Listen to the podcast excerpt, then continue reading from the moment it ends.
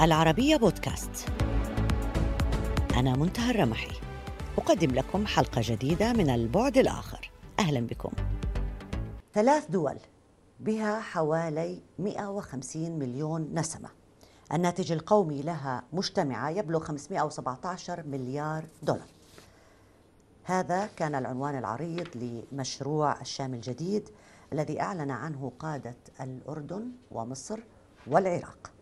وحمل نكهة اقتصادية وهو مشروع لتكتل سياسي قد يضيف بعدا استراتيجيا جديدا للمنطقة طبعا تمتد جغرافيا هذا التحالف كجسر بين قارتين وتتجاوز عالما فتته الانقسام والتوتر في سوريا ولبنان وتقف كحائط صد أمام نفوذ إيراني وتركي يزرع الميليشيات المسلحة في هذا المحيط العربي.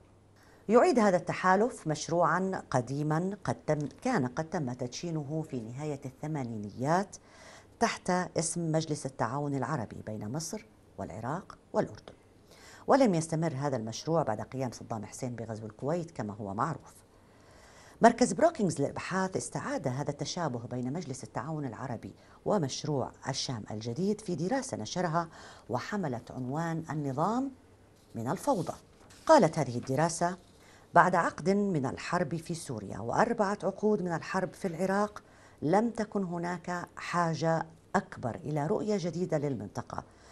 قد تكمن نواة البداية الجديدة في شراكة اقتصادية تم إطلاقها لأول مرة منذ أكثر من ثلاثين عاما حول هذا الموضوع اسمحوا لي أن أرحب بضيفي دولة السيد فيصل فايز رئيس مجلس الأعيان الأردني أهلا بك معنا في هذه الحلقة من البعد الآخر دولة الرئيس يا أهلا بك تحياتي لك أختي الكريمة خلينا نبدأ بالحديث عن مشروع الشام الجديد ما هو هذا المشروع؟ هل هو مشروع اقتصادي ولا تكتل سياسي؟ هل يرقى إلى نوع من التحالف؟ ولماذا الآن؟ ستي اولا الأمة العربية الآن تواجه تحديات سياسية واقتصادية جسيمة. يعني هناك طبعا تدخلات من قبل دول إقليمية. والوضع الاقتصادي في كثير من الدول العربية الآن آه، يعني يعاني مواطنين هذه الدول من آه، موضوعي الفقر والبطالة. وهناك حروب أهلية تدور في كثير من الدول العربية مثل سوريا واليمن ودول أخرى. هناك تحديات يعني جسيمة تواجه هذه الأمة. وأنا باعتقادي لا يمكن أن يكون هناك أي حل لهذه التحديات إلا بالتكامل الاقتصادي العربي وأنا سأعطي أمثلة. يعني بعد الحرب العالمية الثانية كانت أوروبا مدمرة وكان بينهم خلافات سياسية عميقة. يعني كانت حرب ما بين ألمانيا وحلفائها وبريطانيا وحلفائها بالإضافة طبعا للولايات المتحدة الأمريكية. ولكن بعد الحرب وضعوا نواة اتحاد اقتصادي صحيح. ونجحوا في ذلك. بالرغم من كل الخلافات السياسية التي واجهت هذه الدول بعد قيام الاتحاد الاقتصادي.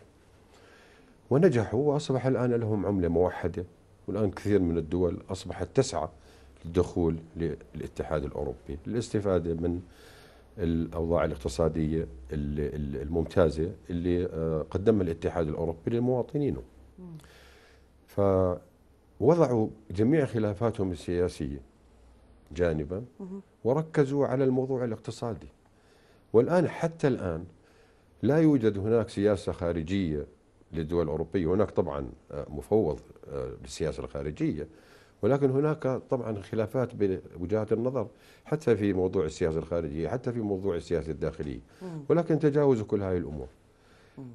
والمثال الآخر هو الصين. الصين كانت دولة متخلفة اقتصاديا ولم يكن لها دور على الساحة السياسية الدولية. انظري إلى الصين الآن. الصين تعتبر ثاني أكبر قوة اقتصادية في العالم. أصبح لها دور سياسي على الساحة الدولية وأصبحت لها وزن استراتيجي. ونحن العرب للأسف لحد الآن لم نستطيع أن نكون أي آه، اتحاد اقتصادي إنه يمكننا انه نكون قوة سياسية في, في العالم. وإحنا الفرق بيننا وبين الاتحاد الأوروبي إحنا يجمعنا الدين واللغة. والعادات والتقاليد والتراث وكل شيء. والدول الأوروبية لا يجمعها شيء. واستطاعوا الوصول إلى هذه المرحلة المتقدمة من الوحدة الاقتصادية. قد إيه بيختلف هذا المشروع فنحن عن مجلس التعاون العربي اللي كان يا ستي الان الآن يعني يجب أن يكون هناك يعني تركيز على ال ال الظروف في في ذلك الوقت كانت تختلف عن الظروف الآن. مم. الآن العالم العربي يمر في مرحلة يواجه تحديات جسيمة.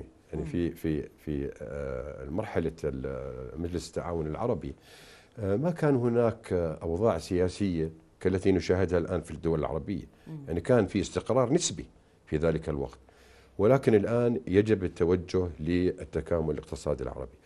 ونتأمل نتأمل. أنا في لقائي يوم أمس مع نائب رئيس مجلس النواب العراقي طلبت أن يكون هذا الموضوع يطرح في الاتحاد البرلماني العربي.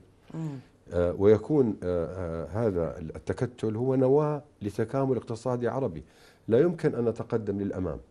لا يمكن أن نكون قوة سياسية على الساحة السياسية الدولية إلا بالتكامل الاقتصادي.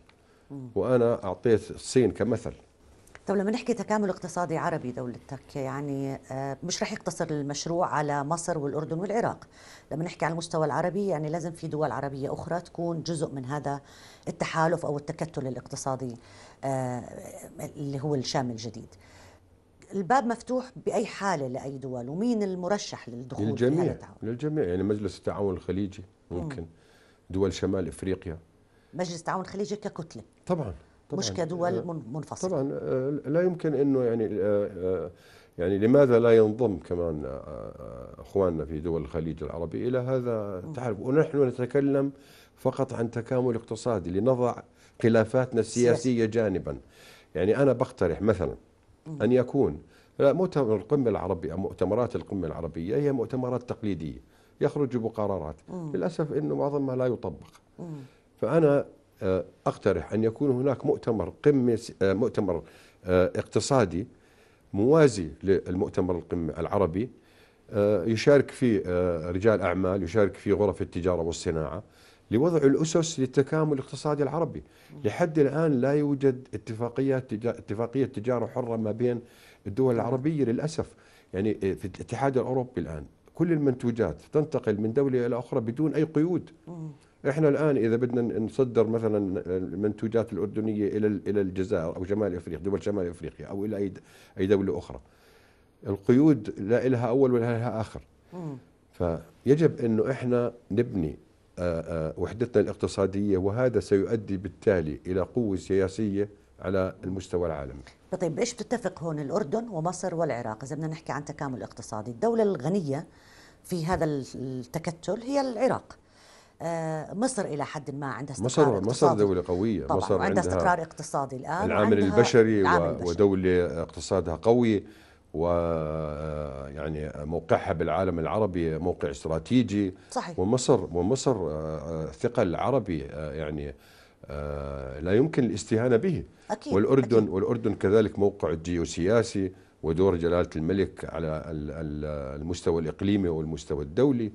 يعني كل هاي تجتمع يعني كل هاي الظروف تساعد إنه أن يكون هناك نواة لوحدة اقتصادية بين هذه الدول مفتوحة أي. للجميع. بس فينا نحدد شو يعني وحدة اقتصادية دولتك؟ يعني آه، شوف المشاريع في العالم العربي تعددت وتكررت من مجلس التعاون الخليجي للجامعة العربية لمجلس التعاون العربي. الآن الشام الجديد كانوا يحكوا عن الشرق الأوسط الجديد كان الحديث عن ضم إسرائيل بشكل أو بآخر علاقات خاصة ربما مع تركيا اقتصادية في بشكل أو بآخر بس ولا مشروع نجح للمستوى اللي أراده الشارع العربي أو المواطن العربي. يجب أن يكون إرادي لإنجاح هذه المشاريع. يعني موضوع الاستثمار لماذا نذهب نذهب ونستثمر مثلا في دول غربية؟ لنستثمر في عالمنا العربي. يعني خلي المواطن العربي يحس إنه هو جزء من هذه الأمة. يعني إنه يكون في مثلا آه، تشاركية في آه، موضوع الاستثمار. في التجارة. التجارة مهمة جدا كمان بين الدول العربية. فيجب أن يكون هناك إرادة لإنجاح هذا التكامل الاقتصادي. إذا ما لم تكن هناك إرادة لن يكون هناك في نتيجة. وبالتالي أنا بعتقد أنه الاقتصاد الآن أهم من السياسة. والصين أكبر مثل. الصين لم يكن لها وجود على الساحة الدولية انظري الآن أساس السياسي هو الاقتصاد يعني طبعا الاساس الأساس. هو الاقتصاد أي. التكامل الاقتصادي العربي سيؤدي إلى تقوية هذه الأمة سياسيا وأن يكون لنا دور آه، آه، على الساحة السياسية الدولية ما هو دور العرب الآن على السياسة السياسة الساحة السياسية الدولية. للأسف إحنا خلافاتنا السياسية تؤثر طب- طبعا على حتى آه، آه، مواقفنا تجاه الدول حتى مواقفنا تجاه إسرائيل أيوة. لو كان في. موقف عربي موحد تجاه إسرائيل. يعني الرعون الاسرائيليه لن تكون بهذه يعني المستوى آه انه مش سائلين هم في العالم العربي لأنه العالم العربي ضعيف ومفتت للأسف وتبعات الربيع العربي طبعا كان لها يعني تبعات أثرت سلبا على كل الدول العربية للأسف طيب دولتك اسم المشروع مشروع الشام الجديد هل يمكن أن يكون هناك مشروع شام جديد بدون سوريا؟ سوريا هي الشام. ستي هناك الآن جهود لإعادة سوريا للحضن العربي. يعني وننطلق من هناك يعني. كل دولة تقرر آه، بالتالي آه، سياستها تجاه سوريا. لكن الأهم من المهم الآن هو عودة آه، سوريا إلى الجامعة العربية. هي الخطوة الأولى. وهناك جهود تبذل. بس عندي في نقاش. مع سوريا بأنها ممكن تنضم لهذا لحد؟ لحد الآن لا. إحنا على المستوى ال- الوزاري آه، كان في زيارات لوزراء سوريين آه، تجارة وبعض الوزراء ال- ال- ال- الآخرين آه، للأردن مؤخرا. وكان هناك طبعا مباحثات مثمرة بيننا وبينهم. وبحثنا موضوع تصدير الكهرباء وموضوع التجارة بيننا وبين سوريا. فهناك اتصالات لكن والمشروع اللي تاريخيا لما انعرض بال يعني بداية فكرة عرض المشروع من من أساسه كان الحديث عن سوريا ولبنان الأردن دول دول الشام. لبنان كمان في الوضع الاقتصادي الصعب اللي فيه الآن ممكن يكون. وضع اقتصادي صعب جدا صعب جدا. الشعب اللبناني يعاني الآن يعني آه لسه إحنا وضعنا بالأردن أفضل بكثير من الوضع بلبنان. فهم آه يعني وضعهم الاقتصادي الآن لحد الآن لم يستطيعوا تشكيل حكومة. صح. يعني إن شاء الله إنه آه ربنا يوفق آه اللبنانيين إنهم يتوصلوا إنهم لأنه لا يمكن الآن يتعامل المجتمع الدولي مع آه إلا إلا بعد تشكيل الحكومة. في لبنان طيب بس بدي أرجع شوي معك دولتك لموضوع سوريا، سوريا إذا بدها تكون جزء من أي نوع من التحالف في ظل وجود هذا الموقف الدولي اللي ما زال قائم تجاه النظام السوري، كيف ممكن هاي الأمور يتم حلها؟ يا ستي طبعا هناك مفاوضات الآن بين المعارضة السورية وبين النظام وب يعني آه، وتحت إشراف الأمم المتحدة. إن شاء الله إنه يعني هناك يعني أنا مثلا هناك, إذا هناك الآن مباحثات تجري حول تعديل الدستور السوري. إيه. لكن الآن آه، في وضع قائم آه، في سوريا يجب التعامل معه. أنا معك بس إنه قصدي إنه آه، إذا إذا دخلنا في موضوع التكامل الاقتصادي اللي هو أساس هذا المشروع الجديد. إذا في مرحلة إعادة إعمار في سوريا ما زلنا مش متفقين دوليا حتى كيف بدها تصير عملية إعادة الإعمار في سوريا وعملية التجارة مع سوريا في عقوبات آه، آه، مفروضة عليها أنا أقصد دوليا هل سيكون هناك عرض من قبل هذه الدول الثلاث الأردن مصر العراق آه، تجاه طريقة تعامل مختلفة مع سوريا ربما يعني ممكن؟ إنه جلالة الملك في زيارته إلى واشنطن ولقائه مع الرئيس الأمريكي يوم 19 الشهر ممكن إنه جلالة الملك يطرح هذا الموضوع أمام الرئيس الأمريكي. لو بتعرف إحنا علاقتنا مع سوريا يعني سو- سوريا جارة لنا. وممكن إنه آه، على المستوى الاقتصادي إنها ان نستفيد منها اقتصاديا في موضوع تصدير الكهرباء لسوريا ولبنان. فممكن إن جلالة الملك يطرح آه، هذا الموضوع في في واشنطن عند- عند لقائه مع الرئيس الأمريكي. هي الآن الأردن الحقيقة ومصر. آه، لديهم مشروعان اقتصاديان يتقاطعان. في بين بعضهما البعض مشروع الشام الجديد ومشروع نيوم آه، كيف ممكن أنه ما يتعارضوا مع بعض وكيف ممكن يتكاملوا مع بعض؟ ما ما بعتقد إنه في تعارض يعني يعني أنا بعتقد إنه آه، مكملة لبعضها البعض يعني هاي المشاريع. آه، ما ينفع السعودية ينفع الأردن وما ما ينفع الأردن والاردن ومصر وما ينفع الأردن ومصر ينفع السعودية. فإحنا لما نتحدث عن أي مشروع اقتصادي لأنه أنا حتى مشروع نيوم فيه استفادة اقتصادية للأردن وكذلك ممكن إنه مصر تستفيد منه. فإحنا دائما مع أي مشروع يخدم آه، آه، السعودية والأردن ومصر. بعتقد إنه مكمله لبعضها البعض ولا تتعارض. ما بتتعارض هذه المشاريع الاقتصادية؟ لا أعتقد. بتتصور إنه رح يصير في تنسيق بين مثل هذا المشروع ومشروعات إن شاء الله إن شاء الله. شوفي لا نحن نحن يعني مصر والأردن لها علاقات تاريخية مميزة آه، ثابتة راسخة آه، مع المملكة العربية السعودية. وأكيد راح يكون في تواصل ما بين آه، جلالة الملك والرئيس السيسي والملك سلمان في هذه المواضيع. يعني وستطرح هذه المواضيع وإن شاء الله إنه يتفقوا إنه هاي تكون يعني بداية خير للدول الثلاثه. لأنه ولي العهد السعودي في الحديث دائما عن رؤية 2030 كان يتحدث عن آه، آه، شرق أوسط مختلف، أوروبا جديدة في منطقة الشرق الأوسط، مثل هذا النوع من المشاريع اللي بت... اللي بنقدر نسميها تكتلات أو تحالفات اقتصادية جديدة، كم ممكن أن تساهم فعلا في تعزيز فكرة تحويل منطقة الشرق الأوسط أو المنطقة العربية ل منطقة مهمة على المستوى العالمي. أكيد يعني إن شاء الله يعني ما يقوم به آه، سمو الأمير محمد بن سلمان هو مقدر. وإن شاء الله أنه يكون نواة لتكامل اقتصادي عربي. يعني أنا يعني أعلم علم اليقين أنه آه، آه، سمو الأمير محمد بن سلمان يسعى أن تكون المملكة العربية السعودية في المستقبل يعني دولة لا تعتمد فقط على النفط ولكن دولة تعتمد على مصادر أخرى. لأنه النفط بالتالي سينبض يعني مش راح يظل. ف يعني نظرته صحيحة أنه يجب لا نعتمد على النفط فقط. ولكن إن شاء الله أنه كل جهد يقوم به سمو الأمير محمد بن سلمان أن يكون نواة لتكامل اقتصادي عربي. هذا هو المطلوب. طيب. فيعني ممكن أنه نوسع الدائرة أنه آه نفتح حوار مع إخواننا في دول الخليج. مم. يعني قادة الدول الثلاثة. نفتح آه، حوار مع آه، اخواننا في شمال افريقيا. آه، يعني وبالتالي يعني خطوة خطوة. يعني دائما إحنا بنقول لا يمكن إنه بجرد قلم نستطيع أن نصل إلى ما نصبو إليه. ولكن نستطيع إنه نبني حجر حجر لحين الوصول إلى درجة إنه يكون في تكامل اقتصادي عربي يؤثر بالتالي على قوتنا السياسية بالعالم.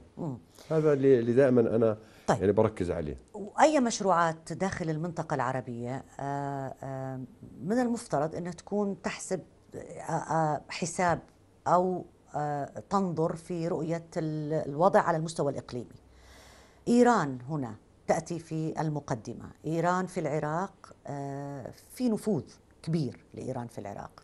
في سوريا في نفوذ لإيران فيها وفي نفوذ لروسيا فيها.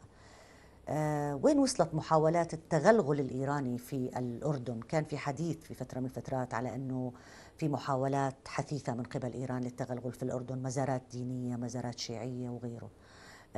وين وصلت في الأردن؟ سيدتي يعني آه، إيران ما في شك أنها تلعب دور سلبي تجاه الأمة العربية. هناك تدخلات إيرانية في كثير من الدول.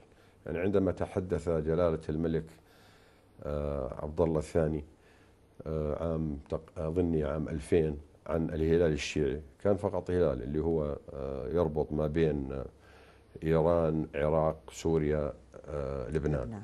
ولكن الآن أصبح بدر. يعني الآن امتدت الأمور إلى اليمن وإلى حتى يعني يقال أنه في لهم جماعات حتى داخل فلسطين المحتلة. ف يعني هذا التغلغل الإيراني لا يمكن العرب أنهم يسكتوا عنه. يعني إذا لعبت إيران. إحنا بالنسبة لعلاقتنا مع إيران ترتبط بعلاقتنا آه، علاقة إيران وتدخلها في كثير من الدول العربية حتى بالبحرين حتى بالمنطقة الشرقية في المملكة العربية السعودية لهم تدخلات. إذا إيران لعبت دور إيجابي تجاه المنطقة عندئذ سنفكر في موضوع السياحة الدينية آه، آه، للمناطق الجنوب. اللي هي يعني اللي تعتبر هاي بالنسبة لهم مهمة جدا بالنسبة للإيرانيين يعني. ف بس مرتبط بالموقف الإيراني. يرتبط بالموقف الإيراني. إذا لعبوا دور إيجابي تجاه العالم العربي لكل حادث حديث. ولكن لا يمكن أن نتعامل إحنا مع إيران إذا استمرت إيران في التدخل في الشؤون الداخلية للدول العربية. بأي دولة عربية. وهذا هذا موقف الأردن واضح وصريح. وأيضا في متفق عليه هذا مع العراق الآن برغم كل النفوذ الايراني داخل العراق. طبعا شوفي إحنا يعني دائما آه، يعني إحنا آه، عندما نتحدث مع إخواننا العراقيين نتحدث على أساس إنه أن لا تؤثر علاقتهم مع إيران، إيران دولة جارة للعراق. يعني لا نتحدث عن علاقات آه، ولا نتحدث إنه والله لا سمح الله تسوء العلاقات بينهم وبين إيران. هذا قرار سيادي للعراق. ولكن أن لا تؤثر العلاقات الإيرانية العراقية على العراق العلاقات الأردنية العراقية. ودائما هذا هم متفهمين الموضوع. يعني أخوان العراقيين متفهمين الموضوع. أنه لا يمكن أنه يكون في تأثير إيراني على القرار العراقي. بالتقارب مع الأردن. طيب على الضفة الأخرى الأردن أصبح مرتاح أكثر مع ذهاب نتنياهو مع ذهاب مع إدارة أمريكية جديدة. العهد الأردني الآن في الولايات المتحدة الأمريكية. القضية الفلسطينية كانت آه، في مقدمة آه، آه، ربما التفكير الأردني في الفترة الأخيرة من ولاية ترامب عندما كان الحديث عن صفقة القرن. الأردن صار أريح الآن؟ ما في شك. يعني الأردن الآن يعني ارتاح من موضوع يعني سياسات ترامب تجاه الشرق الأوسط. يعني ترامب كان داعم رئيسي لنتنياهو. يعني اولا نقل السفارة من تل أبيب إلى القدس نقل السفارة الأمريكية. ضم القدس ضم الجولان ضم أراضي من الضفة الغربية. طبعا هذه كانت مؤرقة لجلالة الملك وللأردن لأنه إحنا ارتباطنا مع القضية الفلسطينية ارتباط ارتباط يعني تاريخي ارتباط لا يمكن أن ينفصل. ولكن طبعا جلالة الملك كان واضح وصريح رفض بلاءاته الثلاث لا للتوطين لا للوطن البديل والقدس خط أحمر والوصاية الهاشمية خط أحمر. فهذا أزعج ترامب طبعا. فكان ارتياح يعني آه، بجميع الأوساط من من الملك إلى ال... وكمان بالإضافة عندنا حكومة جديدة هلا بإسرائيل في تواصل معها هذه الحكومة لا أعتقد إنها تختلف عن الحكومة السابقة لأنه رئيس الوزراء الإسرائيلي الحالي بنت هو من يعني آه، من آه، الأحزاب اليمينية المتطرفة. ولا يزالون لحد الآن يعني آه، السياسات اللي كان ينتهجها نتنياهو ينتهجها بنت الآن في موضوع الشيخ جراح في موضوع ضم الأراضي التوسع بالمستوطنات. يجب أن يكون هناك نحن نعول الآن على الإدارة الأمريكية الجديدة والآن زيارة جلالة الملك طبعا سيكون لها مخرجات وإن شاء الله أنه يحاول أن يقنع الرئيس الأمريكي أن يضغط على إسرائيل. لا يمكن أنه إسرائيل شوفي جميع الأوراق في يد الولايات المتحدة الأمريكية. زي الاتحاد الأوروبي له دور ولكن لا يستطيع الضغط صح. بقوة الولايات المتحدة الأمريكية. فسيدنا الآن سيجتمع مع طبعا أعضاء الكونغرس بالإضافة إلى الرئيس الأمريكي وسيحاول إقناعهم أنه يجب أنه يعني نضع حد للسياسات الإسرائيلية التي ستؤدي بالتالي إلى مزيد من الفوضى ودعم للأرهاب في المنطقة. هذا هو يعني الرسالة اللي راح يوجهها جلالة الملك. أنه الدعم الأمريكي لإسرائيل هو دعم قائم متواصل مستمر دعم مطلق. ومطلق. بس الأردن شعر في أنه في اختلاف ربما من رئيس لرئيس أمريكي في طريقة لا لا التعاطي. ارتياح ارتياح كامل الآن. لا يوجد ضغوط على الأردن. آه. طبعا. بعدين يعني جلالة الملك تربطه علاقة شخصية آه، وعلاقة صداقة مع الرئيس بايدن لأنه في عهد الرئيس أوباما آه، يعني كان استلم الحكم ثمان سنوات فكان دائم التواصل حتى مع الرئيس بايدن آه، نائب الرئيس أيامها. ف الرئيس يكن كل الاحترام لجلالة الملك وبيسمعوا لرايه ولكن الآن يعني إحنا نعول على الإدارة الأمريكية الجديدة أن تضغط على إسرائيل لحل الدولتين. وبعدين يعني كان في مؤشرات إيجابية كبيرة يعني تعامل مع السلطة الوطنية الفلسطينية آه، رفع الحصار عنهم.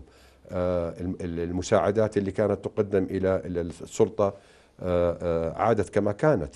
عادت ترامب يعني قطعها. الضغط عنهم كمان. أنروا يعني سياسة ترامب تجاه أنروا يعني كان بده عملية التوطين واضحة. يعني رفع إيده عن أنروا موضوع التوطين إنه وطنوا أنتم الإخوان الفلسطينيين من 48 و 67 في دولكم. وانتهى الموضوع. وهي آه، في دولة ستقوم مقطعة الأوصال. وكانوا يعولوا على الموضوع الاقتصادي. الموضوع مش موضوع اقتصادي الموضوع سياسي بامتياز. كانت. يجب أن ينال آه، الشعب الفلسطيني حقه في تقرير المصير.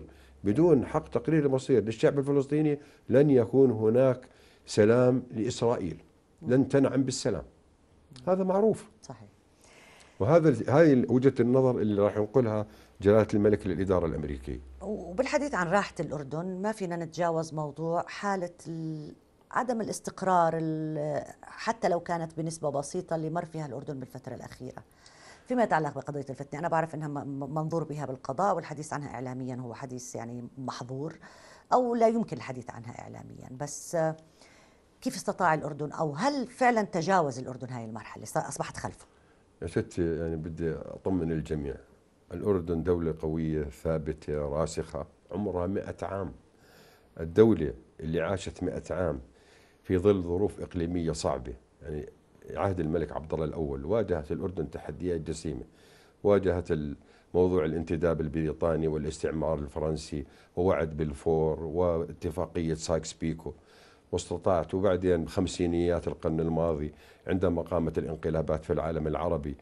كله تجاوزناها بحكمة وحنكة القادة الهاشميين ووعي الشعب الأردني. الشعب الأردني شعب واعي ويقف وراء قيادته يعني مثل ما بيقولوا عندنا بالمثل الشعبي عند الحزة واللزة يقف الشعب الأردني أمام خلف جلالة الملك.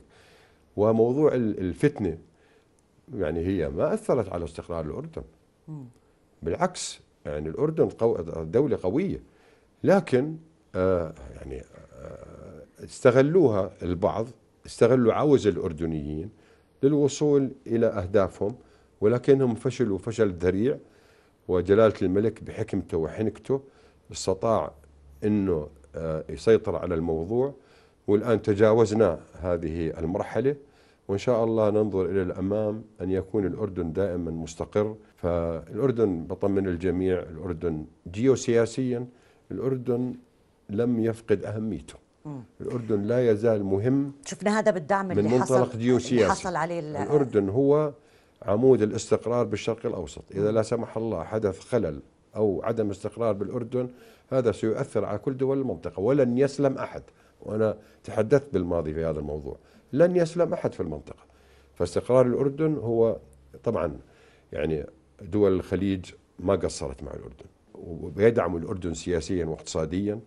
وإن شاء الله أنه يعني آه، يتحسن وضع الاقتصادي الأردني. ومن مصلحة الجميع أن يكون الأردن مرتاح اقتصاديا. شكرا جزيلا دولتك لإتاحة هذه الفرصة لنا. ألف شكر لك. يا هلا بك أهلا وسهلا. بهذا مشاهدينا الكرام انتهت هذه الحلقة من البعد الآخر. دائما تابعونا على تويتر فيسبوك يوتيوب. إلى اللقاء.